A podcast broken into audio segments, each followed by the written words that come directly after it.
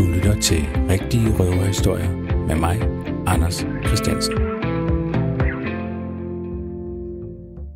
Forleden der vandt den danske fodboldspiller Pernille Harder prisen som årets spiller i Europa. Faktisk for anden gang i karrieren. Men selvom Pernille Harder altså har vundet den her flotte pris, så har det altså ikke fået samme opmærksomhed i medierne, som hvis en dansk mandlig fodboldspiller har fået samme pris. Og selvom at kvindefodbold har bevæget sig langt de seneste par år, har for meget mere sendetid i fjernsynet, så har de kvindelige fodboldspillere dog ikke samme status som de mandlige endnu. Men det er med vilje, jeg siger endnu, fordi der er altså en bevægelse i gang, som så mange andre steder i samfundet. Og netop den her, den her bevægelse om øget ligestilling og øget respekt, den er idrætshistorien måske et meget godt billede på. Fordi netop på idrætsscenen, der har kvinder haft mulighed for at udfordre normerne, men det har samtidig også været et sted, hvor kvinder er blevet holdt nede og blevet latterliggjort.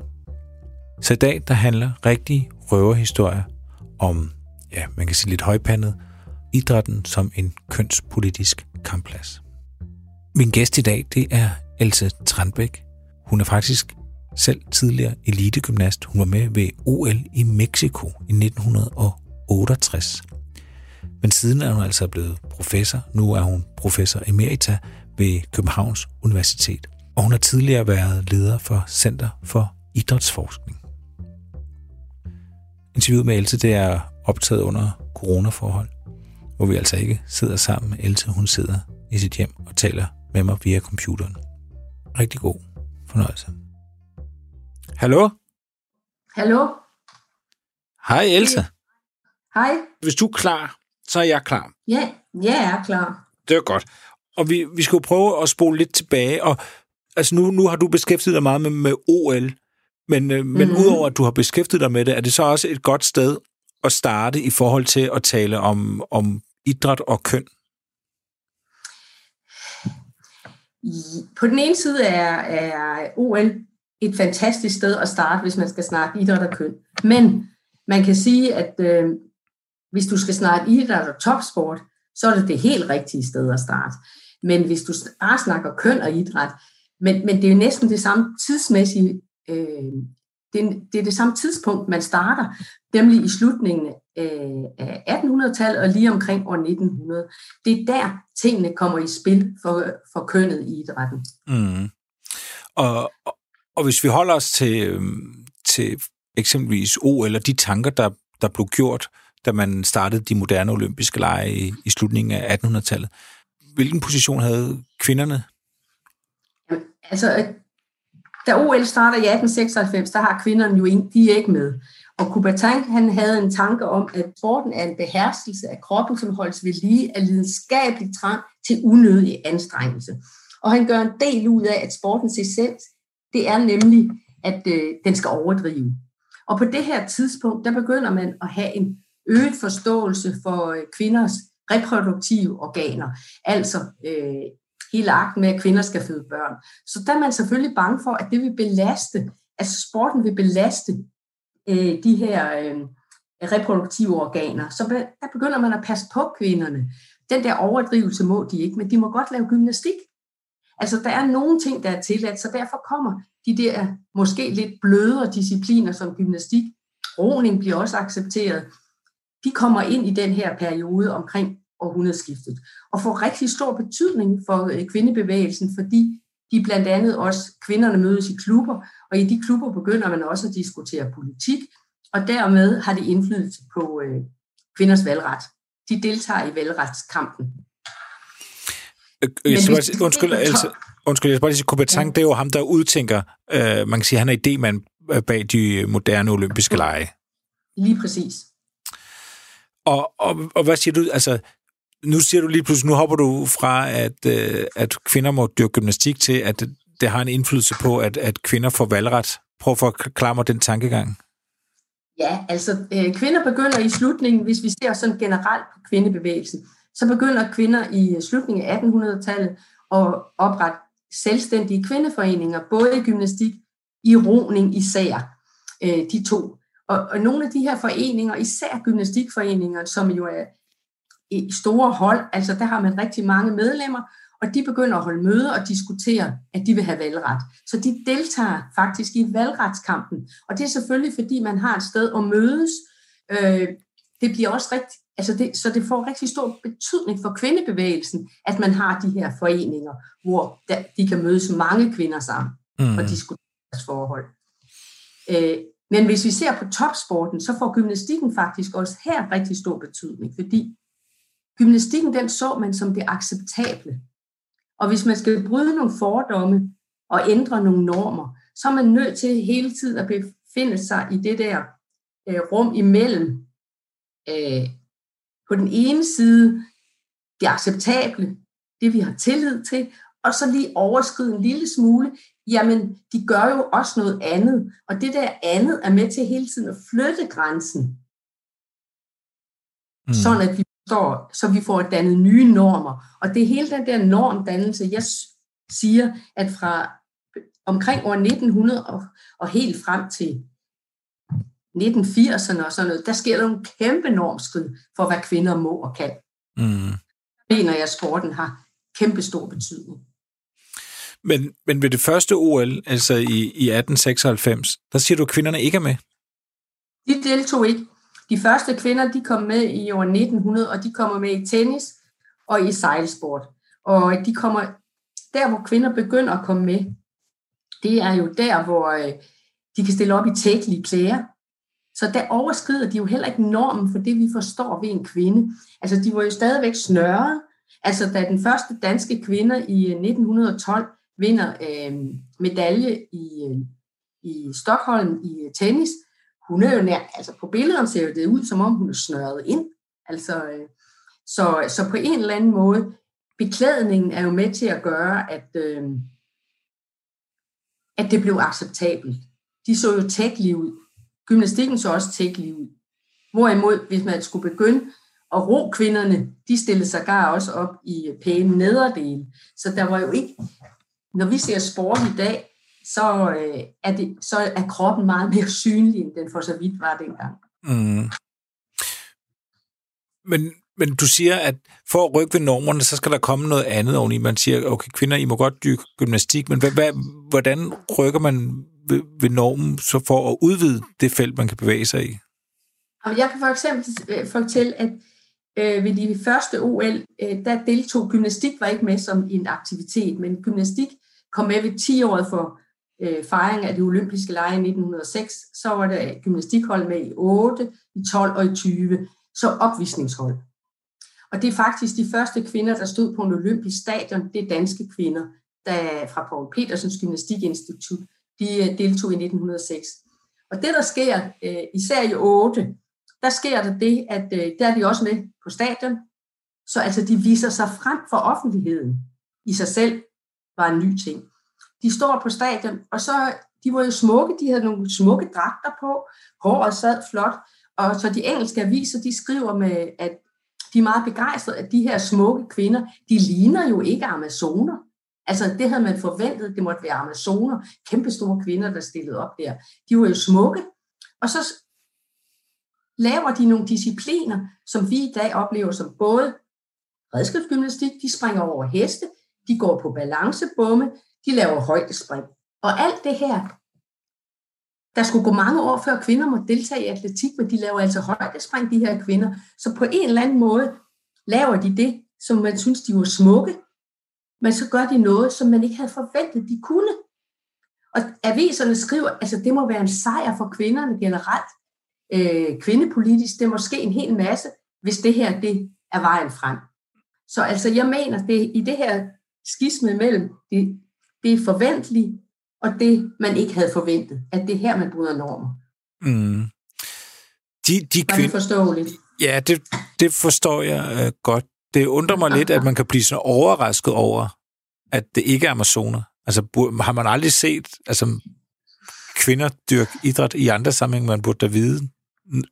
Men i, i, i 1908, der dyrkede kvinder jo ikke sådan, og, og, og de viste sig jo slet ikke offentligt frem.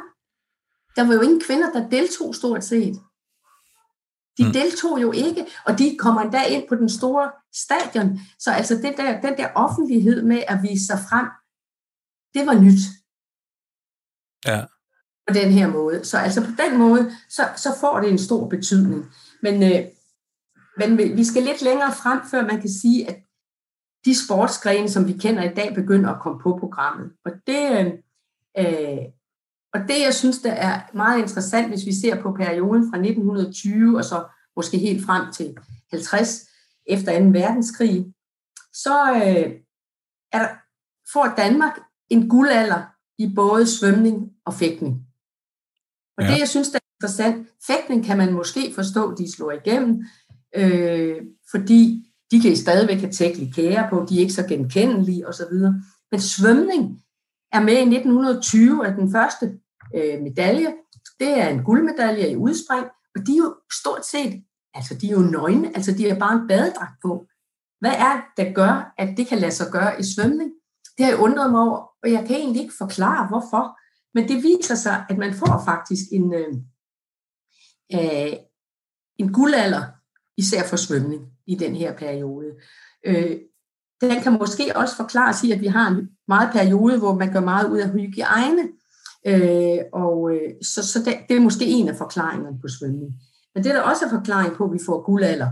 Så tror jeg, det skyldes, at øh, på det her tidspunkt havde man faktisk professionelle trænere, hvad man ikke havde nogen andre steder. For der var nemlig uddannet rigtig mange svømme, gymnastik- og svømmelærerinder. Så de var faktisk uddannede.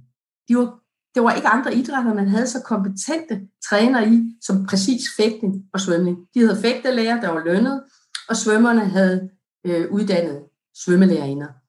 Øh, og den her guldalder, den har fået rigtig stor betydning. Altså, alle kender jo Lillehæng Livene Inge, vi mm. kender Margre- Karen Margrethe Harup så videre. Og de her får stor betydning. Øh, og når vi i dag har senere får en guldalder i øh, svømning, så tror jeg også, det hænger sammen med, at øh, de kvinder i dag fra 80'erne og frem efter, de har haft en tro på, at man kan faktisk godt komme hele vejen i svømning. Mm. Man har en kultur, der gør, at her kan vi godt. De har haft nogle rollemodeller, der viste, at man kan faktisk. Og det får man i den her periode.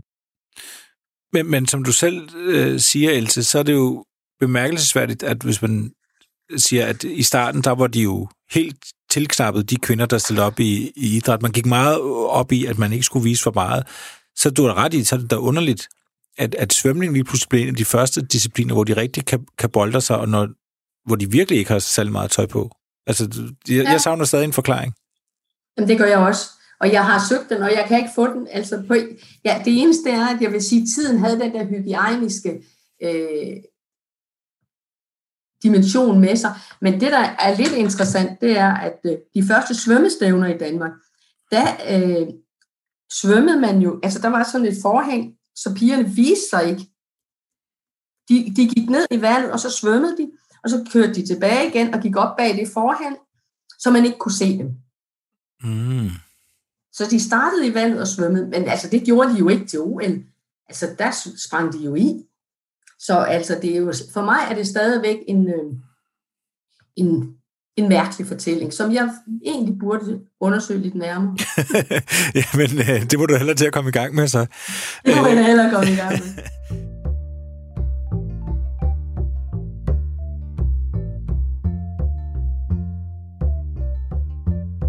Men hvis vi ser i den her periode i, øh, fra 20'erne og til 50'erne, så kommer den idrætsgren, som måske har vagt størst furore i den olympiske historie, atletik ind.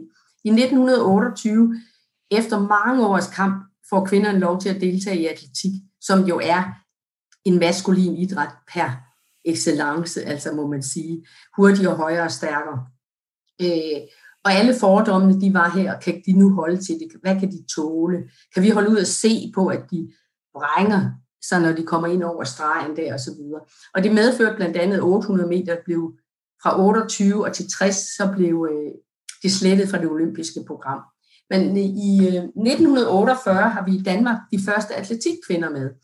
Øh, og det har også været en hård periode at komme ind.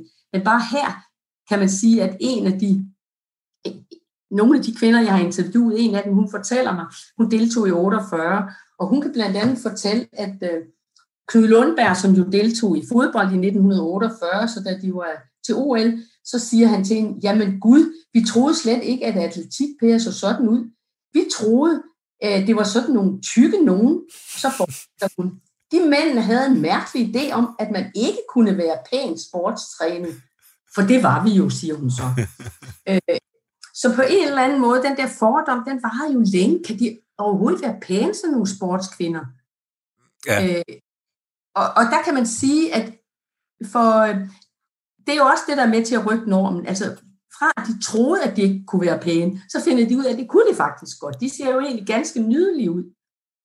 Og man, på et tidspunkt troede man heller ikke, at de kunne føde børn. Det finder man så også ud af, at det kan de faktisk også godt. Altså, så hen ad vejen ændrer man nogle af de der øh, meget rigide fordomme om, hvad en kvinde er, og hvad der er kvindens opgave. Ja. Du, du nævnte 800 meter løb. Altså, det er jo to gange rundt om, øh, om, om banen, så at sige. Hvad, hvad var problemet med 800 meter løb? Jamen, øh, 800 meter løb ved øh, OL i 1928, det var, at øh, da de kommer ind over stregen, ligesom så mange andre, som vi ser tit til OL, så, øh, så ser de jo anstrengt ud. Ikke? De kaster sig ind over med brystet forrest og ind over målstregen. Og det var altså for meget folk, sagde, at vi kunne ikke holde ud at se på det. Altså det var gysligt. Vi må afskaffe den der frygtelige øh, disciplin. Og så bliver den faktisk afskaffet. Og i Danmark har man en diskussion om, kan de tåle det her? Og man laver en stor undersøgelse i øh, Dansk Idrætsforbund, og det viser sig, at lægerne de siger, jamen det kan, der er ikke noget til hinder for, at de kan gøre det, men vi kan da ikke sige, at der ikke kan være nogle faremomenter i det. Men altså, de bliver frigivet, og i 1942 har danske kvinder øh, DM i, i atletik. Og det er første gang i 42, så der skal gå lang tid ind, lige præcis atletikken kommer på banen. Og når jeg nævner 800 meter løbet, er det jo interessant, fordi det er der, vi hele tiden har haft sagen, og i dag har sageren med Kaster Semenya, som jo man dårligt nok ved, hvad køn hun er. Altså, de har været med til at rejse kønsdiskussionen her. Ja, og, og den, den, den nye... 800 meter løbet hele vejen. Det er 800 meter løbet hele vejen, så, så, ja. så hvis man skal have en eller anden igennem et prisme, og man skal kunne se den her udvikling, så skal man kigge på, på kvindernes 800 meter løb. Ja, jeg har jo undersøgt det der med 800 meter løb. Jeg ved ikke, om vi skal tage det nu, men jeg har undersøgt Kaster Semenya, som jo nu er udskilt for, hvad køn hun har. Jeg har sammenlignet hendes resultater med 1928. De er selvfølgelig bedre, de er væsentligt bedre, men hun har stadigvæk ikke verdensrekorden. Dem, der, den mand, der vandt i 1928, løb hurtigere end Kaster Semenya gør i dag. Så altså, det er en mærkelig historie. Jeg har prøvet at være inde og kigge på de der data, øh, og øh, så det der med at sige, at det bare er en mand, der løber der, det er det altså ikke. Det er den her sydafrikanske øh, løber, ja. som nogen måske ja. har stødt på den historie, som, øh, ja, hun er, hun er jo blevet, hun har jo tabt endnu en sag, Øh, fordi altså, der er simpelthen nogen, der mener, at uh, hun er mere mand end, end kvinde, og hele den her diskussion ja. omkring køn, og hvad er et køn, og alt det her, øh, er jo symboliseret meget godt med, med hende. Og hun er nu blevet udelukket, med mindre hun går med til at tage nogle, øh, noget hormonnedsættende. Er det ikke rigtigt? Jo, det er rigtigt. Hun skal tage nogle hormonnedsættende piller. Men grunden til, at jeg nævner den, det er fordi 800 meter løbet faktisk fik så stor betydning. Og derfor har jeg set på tiderne her, mm. øh, plus at hun aldrig har sat verdensrekorden. Verdensrekorden er sat af en, en tjekke, en tjekkisk kvinde, som måske har været dopet. Det ved vi heller ikke. Hun er ikke taget i doping, men det har man nogle hypoteser om. Ja. Øh, altså i dag virker det jo øh, latterligt, øh, at man, man, man tænker, at at man prøver at beskytte kvinder for at løbe 800 meter, og det, det burde de ikke gøre. Men det er vel ikke mere latterligt, end at man ser det bare i nogle andre sportsgrene op igennem tiden, og endda i, i nyere tid med især boksning og, og sådan noget, har man også tænkt, at det er noget, mm. kvinder bør beskæftige sig med. Så det er vel ikke mm. enestående, at man har med 800 meter tænkt, at det er for meget for kvinder. Nej, altså øh, diskussionen dengang med 800 meter, den handlede jo om, hvad kan de tåle? Kan de faktisk tåle at løbe så stærkt? Mm. For det var første gang, de var med. Den anden ting er, og det var den, jeg synes, der kom til at fylde mest i pressen og i medierne dengang, det var, hvad kan vi andre tåle at se på? Hold ud og se på det. Altså, så, så, så, og der er en masse kvindelige øh, lærerinder i Danmark, der går ind og siger, det må vi altså have forbudt det her. Så altså, der var også kvinder, der gik imod det her, fordi, og, og der var det, der var der et øh, møde imellem den der biologiske tilgang til, hvad kan de tåle, og så det normative, hvad kan vi tåle at se på. Altså det der skisme, det var der. Øh, og det kan da godt være det. Og det har der været, nu nævner du boksning. Det tror jeg, der har været det samme, da boksning kom frem. Mm. Og kvinder, det har der været den samme diskussion. Ja. Jamen, det har det da. For man diskuterede, kan de tåle, at hvis man slår den på brystet, det var det et, er der fysisk steder, de ikke kan, man ikke kan slå på kvinder. Det er den ene ting. Den anden ting, hvad kan vi holde ud at se på? Vil vi se på det her? Ja. Jeg kan, jeg kan huske, at jeg blev spurgt af formanden for Bokseunionen dengang. I øvrigt blev det kaldt tøsetæv i starten. Men, ja, men, øh, men da det kom frem, så blev jeg spurgt af formanden for Boxhold, hvad jeg synes om det, for der var jeg aktiv i uh, Idrætsforbundet. Og så siger øh, jeg, jeg synes, at hvis kvinder har lyst til at bokse, skal de have lyst til at bokse, men hvis du spørger mig, om jeg synes, det er pænt, så synes jeg det ikke.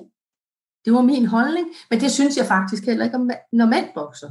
Altså, det var sådan min nuance. Og, og øh, så jeg har måske været lige så restriktiv som kvinde, Nej, i 20'erne, det ved jeg ikke.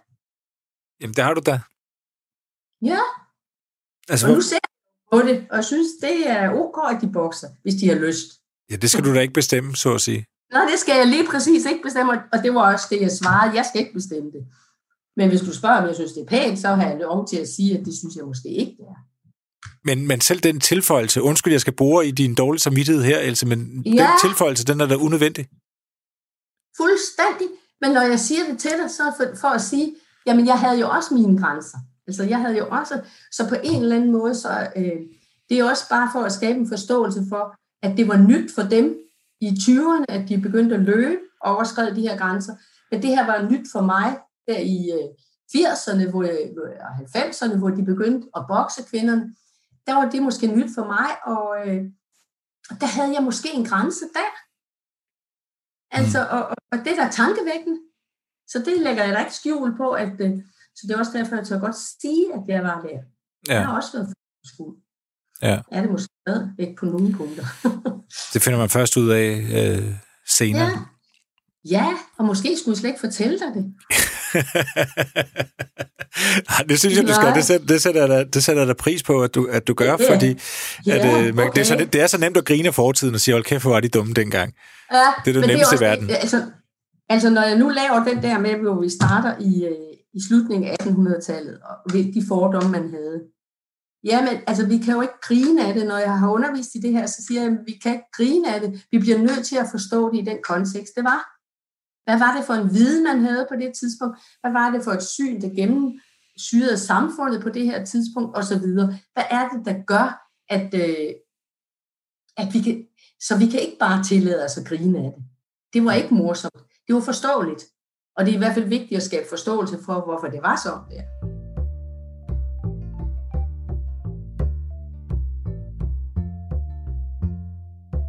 Nu kommer den periode, som får måske for kvinderne måske den allerstørste betydning. Det er perioden fra, kan man sige, fra 52, hvis vi taler OL, øh, og frem til 1984. Det er også i, den, i 70'erne, der kvindebevægelsen, der sker også et kæmpe boom i den i breddeidrætten. Men hvis vi nu ser på det olympiske og topidrætten, som sætter nogle markører i den her periode, så er det fordi, at her kommer fra 1952 kommer Østlandene med for første gang efter 2. verdenskrig. Og her sker der noget, fordi de satser benhårdt på at vise, at deres øh, samfundssystem det er velfungerende. Øh, og det kan noget særligt. Og her er sporten et af de steder, hvor man hurtigst muligt kan komme ud på den store scene og vise sig frem. Og øh, her satser man benhårdt på sport, og man satser benhårdt på kvinder, fordi der er hurtigere resultatfremgang for kvinderne, end der var for mændene fordi de starter på et lavere niveau. Ganske simpelt. Øh, og her begynder man så, øh, især i øh, midten af 50'erne, der kommer der to meget stærke kvinder, øh, Tamara og Irina Pras, som var atletikudøver. Øh, det er også interessant, det er næsten atletikken, der rejsen de fleste af de sager, man har haft i topsport. Men de her to kvinder, de er i kuglestød og diskoskast, og øh, de øh, vinder mange medaljer, og øh, på et tidspunkt så begynder man, og de ser måske også en lille smule maskuline. Øhm, men så øh, finder man ud af, at man bliver nødt til at afprøve kønnet. Så ved Europamesterskaberne i 1966 i atletik, der, bliver man ind, der indfører man kønstest. Og den kønstest, som blandt andet den danske atletikudøver Nina Hansen, i dag Nina Fanø, øh, hun var femkæmper i atletik, øh, hun stillede op, og de skulle stille op for en læge, nøgne, øh, for, at, for at finde ud af, om øh, de nu var det rigtige køn. Det er vældig ydmygende. Men efter det her, så beslutter man ved OL i 1968, at samtlige atleter skal kønstestes. Kvindelige atleter selvfølgelig. Mm. De skal øh, kønstestes. Og herefter er kønstesten indført helt frem til 1996. På trods af, at læger og alt muligt, de kommer og fortalt, at det jo ikke, det holder ikke. Den her, der er stort set ingen, der er taget, hvis altså, vi kender ikke rigtig nogen, der har taget den her kønstest, mm. som man lavede, som bestod i et skrab i mundhulen. Jeg har jo selv haft fornøjelsen af at få den lavet i 68, øh, og det er sådan et lille skrab ind i mundhulen, og så er man jo vældig stolt, når man får et papir, hvor der står, at der ikke er noget unormalt. Øh, sådan lidt har jeg, og det er jeg rigtig glad for. du, var med ved, du var med ved OL i Mexico i 68, altså det er det, du fortæller, og der blev du så også ja. som de andre kønstestet. Vi var fire piger, og vi skulle ned og kønsteste. Der var kun fire kvindelige deltagere. Øh, der var to atletikudøvere, en svømmer, og så mig som gymnast. Og øh, da vi skulle ned og kønstestes, altså svømmeren, Kirsten Campbell, hun havde allerede fået en datter, men øh, hun skulle jo også kønstestes, så det, men vi bestod altså alle sammen.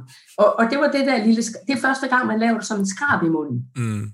Der, der begynder man at lave. Og det, der så sker, øh, øh, jeg har interviewet den læge, vi havde som øh, læge med øh, til OL, øh, Helge Fals, og Helge han sagde til mig, at øh, han var med, da jeg blev kønstestet, det kunne jeg ikke huske, fordi han skulle kontrollere, at det gik ordentligt for sig.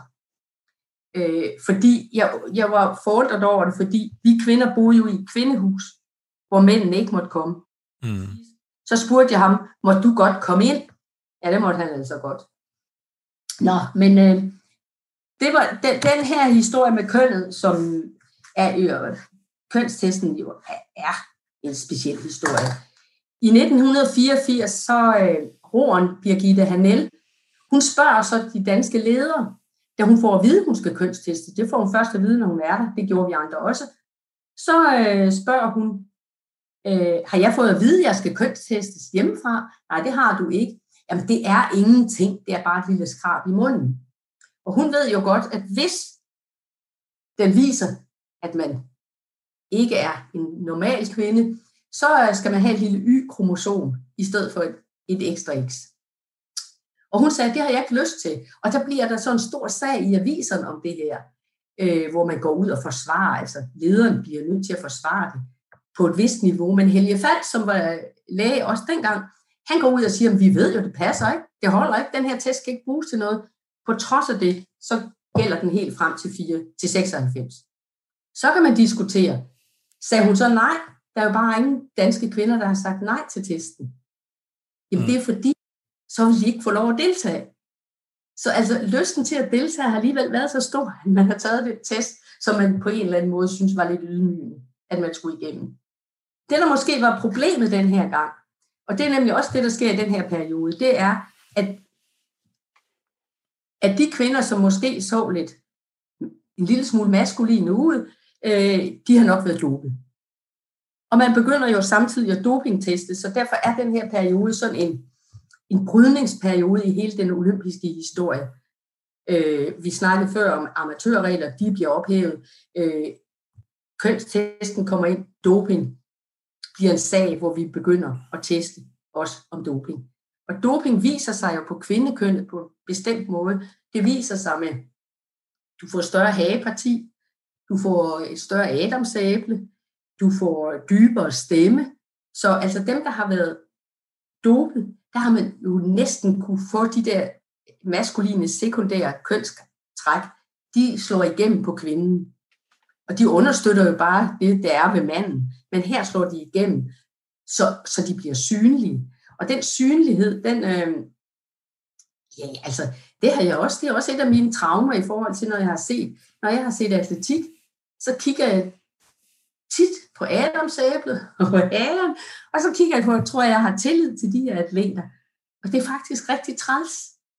Men Else, nu, nu siger du, øh, altså nu snakker vi om 50'erne, 60'erne, 70'erne, og, og en eller anden bagvendt måde, der kan man sige, at at Østlandene, altså Østblokkens lande, Sovjetunionen, Tjekkiet, DDR mm. osv., at det, at de satser så meget på, på kvindeidræt, øh, øhm, ja, hvad betyder det, hvis man skulle sige, for, i forhold til øh, for hele ligestilling og, og kvindens rolle? Det er et meget godt spørgsmål. Øh, altså, på, altså på den ene side har du ret i, at kvinderne kommer jo frem, de bliver synlige i den her periode. Men, øh, men vi mister jo også tilliden til kvindesporten, fordi for eksempel i 1976, der vinder de østeuropæiske kvinder 75 procent af samtlige medaljer ved OL. altså på den måde kan man også godt sige, altså vi får jo også tvivl om vores eget køn. Ja. Altså, det der med tvivlen på, at hvorfor gør de det? Ja, det gør de måske heller ikke af fri vilje. Altså, hvorfor gør de det her? Altså, hvad er det, der sker? Fordi øh, når der sker den der vægt, så har det jo været doping. Der er ingen tvivl om, det har været doping. Og en af de kvinder, som jeg har interviewet, det er godt nok en lille smule senere, men hun, hun er svømmer, og hun siger, at øh, jeg vidste det jo godt, at de havde en periode, hvor øh, de kinesiske svømmer, de var dopet. Øh, men jeg har, jeg har aldrig, jeg har aldrig ærget mig over, at hvis jeg blev nummer fire, og hvis de ikke havde været så kunne jeg måske have fået sølv. Det har jeg ikke gjort, fordi det var i den kontekst, som var også for dem. Mm. Så altså tolerance, altså det kan jeg huske, det var Berit, Berit Pugård, altså, svømmer, der fortalte mig det. Det synes jeg egentlig var en meget smuk ting, at, øh, hvor nogen kan sige, at jeg er død ærgerlig over det, for jeg kunne have vundet en medalje.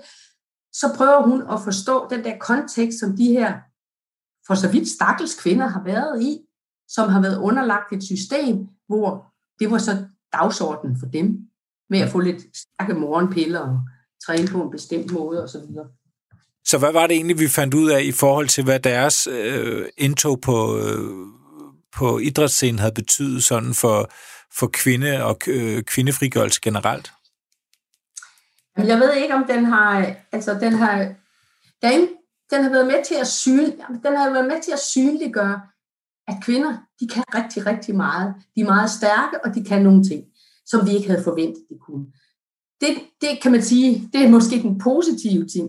Men når vi så bagefter kender historien og går bag om den, så synes vi alligevel også, at det har været kvinder, der har været misbrugt i et system, som skulle vise systemets styrke. Øh, så på den måde har de har været brugt i en politisk sag, Øh, og det har jo ikke været en køn fortælling. Mm. Men de har været med til at få vise, at øh, altså vi så en stigning i kvinderesultater, altså på den måde, hvis man vil lave rekord i dag, så skal man ind og slå nogle af dem. Ja. Men altså, det er da ikke en, det er da ikke en køn del af kvindehistorien. Det synes jeg ikke, det er.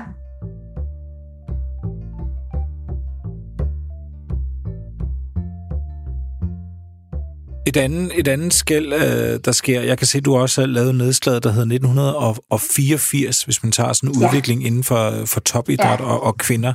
Øh, hvor, hvorfor, hvorfor laver du en, en skillelinje, der hedder 1984? Det gør jeg. Øh, I øh, 1984, det er første gang, man begynder at kommercialisere lejene. Øh, indtil da, det er jo også det endelige i forhold til hele amatøridrætten og hele den der øh, mangel på professionalisme, der måske var. Men et af problemerne op til 84 var, at der var ingen, der ville have de olympiske lege. Det gav kæmpe underskud hver gang, i 76 især i øh, Montreal, det gav et kæmpe underskud for byen. Så der begynder øh, at være problemer med at tage lege, hvem der vil have lejene. Og da det så kommer til Los Angeles i 84, så øh, siger byen, jamen det vil de godt, men de vil altså have lov at tjene penge på det også. I 84, der er Samarang, han er blevet øh, præsident for IOC, og han accepterer det, og han er med til at sige, og, og lave den der kommercialisering. Så man, man må godt have professionelle med, man må også godt tjene penge på det her, og så videre. Øh, og OL begynder at skovle penge hjem på reklamerne, selve IOC. Så, så herfra sker der altså nogle vældige brud. Man kan også godt sige, at der sker også en voldig, vældig vækst i de idrætter, der kommer med. Øh, og i Danmark, der kan man sige, at nogle af de store danske idrætter, som er badminton, det kommer først på for kvinder, i, eller kommer først på i 92, både for kvinder og mænd. Øh, håndbold kommer på i, øh, vi har danske kvinder med i 96, øh, det kommer vist på i 88, det må du lige tjekke. Men i øh, danske kvinder kommer med i 96, og fodbold er også med, og har kun været med én gang i 96. Og det vil sige, at hvis vi ser på, hvor mange danske kvinder, der deltager, så er der jo rigtig mange, fordi der er jo mange, når holdidrætterne begynder at komme med her. Øh, så i 6, øh, nogle af de her år er der jo flere kvinder med end mænd, blandt andet fordi der er hold med. Jeg tror, det var 96, var der flere kvinder med end mænd. Ja, jeg skal bare lige sige, altså håndbold og fodbold har jo været med for, for mændene. Det passer ikke. Håndbold øh, var med i 36, men ryger ud, fordi man var bange for, at øh, det der, man kaldte håndbold, øh, øh, Hacienda, det vil blive et øh, kvindespil, så der tager man det ind i 36 for mænd. Så er det først med i 72 for mænd. Så okay. fra 36 til 72 er det ikke med. Fodbold har været med, men håndbold har ikke. Men i og med, at det bliver kommercielt, så sker der også det, at øh, man har behov for synlighed. For synlighed, det gør, øh, at hvis man ikke kommer i pressen, hvis man ikke bliver vist i medierne, så er der ingen sponsorer, og så er der ingen penge. Det er, og håndboldpigerne, er, eller håndboldkvinderne, er den bedste historie på det. De var ved at blive smidt ud af håndboldforbundet. Hvad sker der så? Kvindelige Arbejderforbund går ind og støtter håndboldpigerne. Så kommer Team Danmark, så får de Ulrik som træner, og så kommer der succes der. Og så kommer medierne på, og de skriver. Så på en eller anden måde, den der synlighed, den er jo med til at generere penge til atleterne. Mm. Det, der sker, det er, at der er rigtig mange, og det er nogle af de kvinder, jeg har interviewet.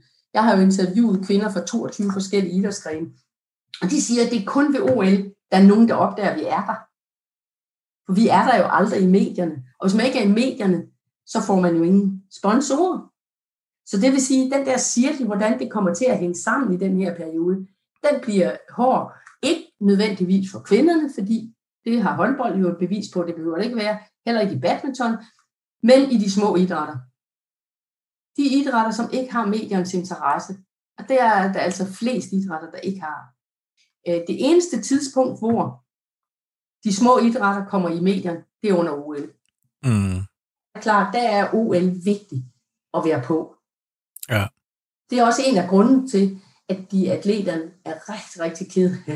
Det er der mange grunde til, hvorfor OL betyder noget særligt for dem. Det synes jeg også er lidt vigtigt. Ja, du tænker, de er ked af, at OL i, i år 2020 er, er, er, ja, er flyttet. Ja, ja. Øh, altså, man skal sige, at altså, nogle gange, der er mange, der ikke kan forstå, altså man, i 1970 var der nogen, der foreslog, hvorfor ikke nedlægge øh, OL, fordi øh, vi har jo verdensmesterskaber og alt muligt andet. Ja, men det er altså noget andet. Altså, jeg kan huske, jeg, i et af mine interviewer har jeg blandt andet spurgt Sara Slot, kan du forklare mig forskellen på at være til VM og være til OL? Og så siger hun, men det på banen, det er jo præcis det samme.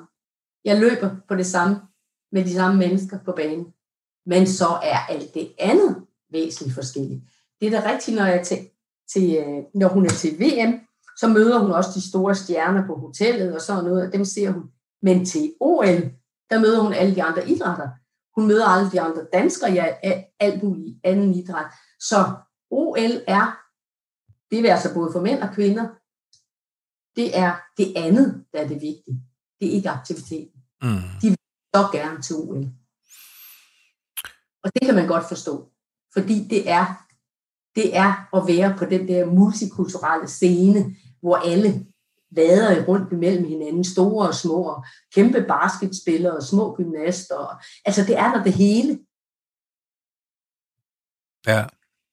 Jeg kan huske, da jeg var til OL, en af mine små hobbies, det var øh, og ligge op i vores kvindehus der, som var på tredje eller fjerde sal, og kigge ud af vinduet ud i OL-byen, og gætte på, hvilke discipliner de forskellige lavede. Altså, der er jo forskellige kroppe overalt. Det er studie i forskellige kroppe. Hver idrætsgren har nærmest sin krop. Ja. Jamen, det, jamen, det er rigtigt. Jamen, det, det, det er du ret i. Det er jo lige for det, det, det, et, et tv-koncept, du er ved at udvikle der.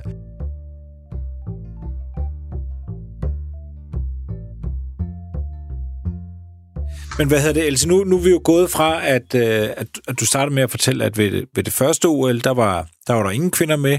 Langsomt så kom de med at være sådan nogle, øh, til sådan noget opvisning, og så er der sket sådan en, en, en gradvis øh, udvikling med, hvor meget de er med, og på hvilket niveau de er med. Når du ser så, øh, nu er der så ikke OL i år, men når du ser sådan på, på, på topidræt nu, er der så nogle kampe, som, som kvinderne stadig skal kæmpe?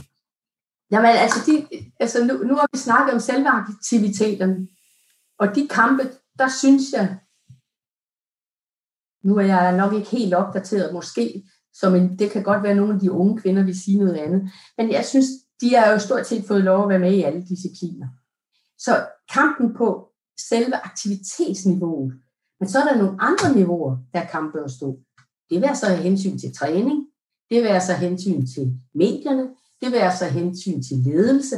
Altså kvinder har mange kampe at stå, hvor man kan sige, der sker, der er i hvert fald ikke lighed i udgangspunktet. Altså jeg, jeg så meget gerne, at øh, altså hvis jeg bare ser på det danske hold, når de tager afsted, og ser, hvem der er med som back-up-gruppe, altså dem, de kan henvende sig til, når der sker noget. Der er ingen kvinder med. De eneste kvinder, der er med på trænersiden, det er stort set øh, fysioterapeuter. Mm. Måske men der er ikke nogen med det her. Og det er en mangelvare, det ved vi. Og nogle af de kvinder, man har spurgt, som jeg har interviewet også omkring det der med træner, det er, at øh, de har haft dygtige træner. Det er ikke for at sige, at mænd ikke er dygtige som træner. Men der er én ting, som flere af de her kvinder siger, de bruger ordet, de mangler empati.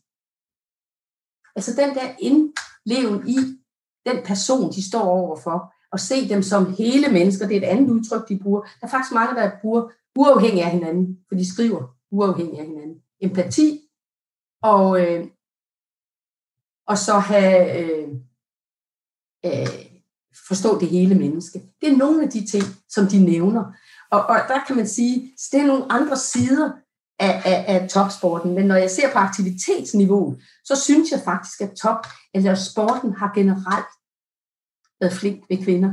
Altså, og jeg, jeg med, med, måske med citation, fordi den har givet kvinder muligheder, som de ikke har fået andre steder i samfundet.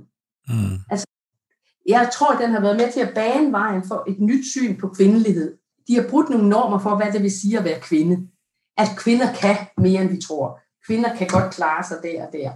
Øh, så, så altså, vores syn på kvindelighed, altså der er jo ingen, der synes, det er grimt, når nogen falder ind over en streg i dag, eller en, en snor, når der er OL øh, i 800 meter løb. Der er ingen, der synes, at det er ukvindeligt, når øh, håndboldspillerne de øh, sveder eller laver nogle mærkelige bevægelser eller råber. Og, gør. Det er der ingen, der synes, det er ukvindeligt.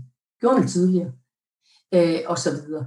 Øh, jeg hører heller meget sjældent nedsættende bevæg, øh, formuleringer. Det har der været med kvinder i fodbold. De har været udsat for mange, mange udtryk, som ikke var flinke.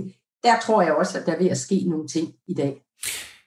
Det er sjovt, du nævner fodbold, fordi det har jeg en, en opfattelse af, det er stadig en, en, en bastion et eller andet sted, langt hen ad vejen for, for mænd, øh, at, øh, at her der, der, der skal kvinderne altså ikke komme for godt i gang, fordi det er en, en, en mandesport, og det er fint nok, de spiller det, men det er noget andet. Altså, der, der er stadig jo mange øh, holdninger.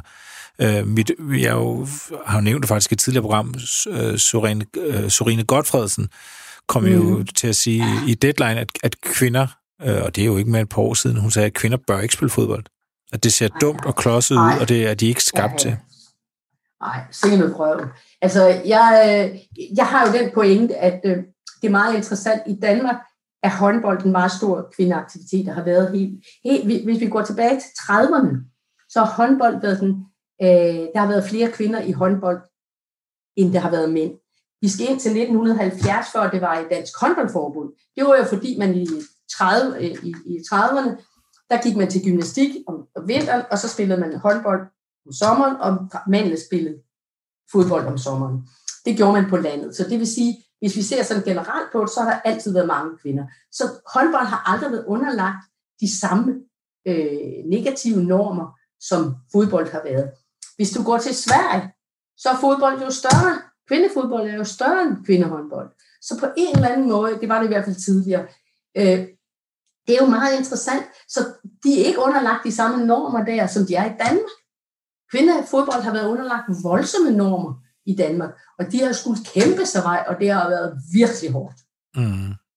Og, og jeg vil sige, det tror jeg, det stadigvæk er. Det må jeg sige, det tror jeg. Jeg har ikke, øh, jeg har arbejdet en lille smule med, med kvindefodbold, men øh, mere sådan historisk set omkring de der 70'erne, da de prøvede at bryde igennem til DBU. Det var heller ikke let. De ville jo ikke have dem ind. Og, og de blev jo tvunget af de, de internationale forbund til at tage kvinderne ind. Fordi ellers hvis kvinderne lave deres egne store mesterskaber. Og de begyndte at udvikle en kultur ved siden af. Så derfor øh, var der jo en, en diskussion, at man blev nødt til at have dem indenbords.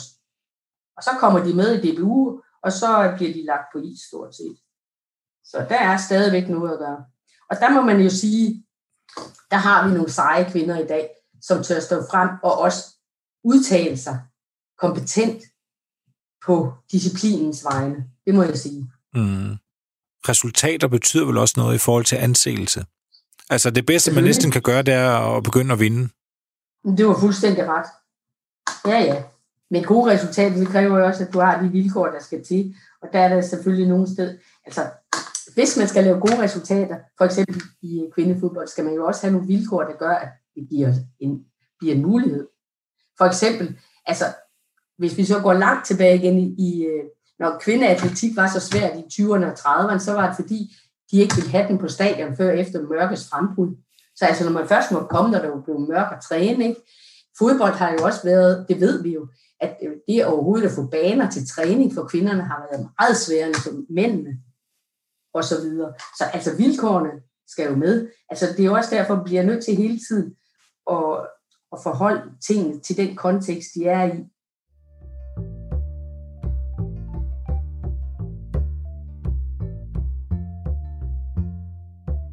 Men altså, hvis jeg lidt fræk skal opsummere, så de to øh, store motorer, der har drevet øh, sådan topidræt for kvinder i, i det forrige århundrede, det er det, er det systema- systematiserede kommunistiske doping, og så er det amerikanernes øh, kapitalisering af, af OL. Det var en voldsom opsummering, men du kan da godt have ret i, altså, altså på den ene side, i OC på, på organisatorisk niveau, der bliver der skabt en kæmpe forandring i 84 med den der kommercialisering og penge til IUC.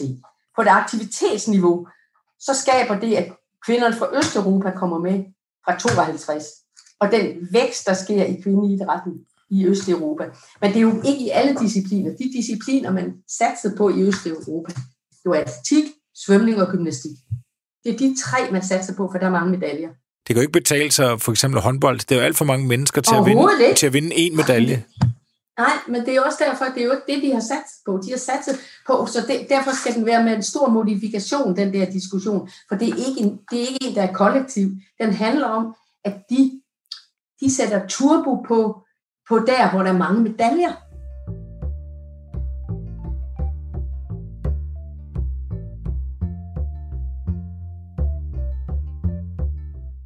Det her, det var alt for rigtige røverhistorier for i dag. Min gæst, det var professor Emeta fra Københavns Universitet, Else Tranbæk. Og husk, at du altid er velkommen til at kontakte mig med ris, ros eller tips til historier.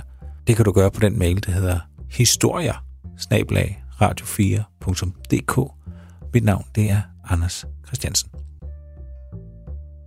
Programmet er produceret af Wingman Media for Radio 4.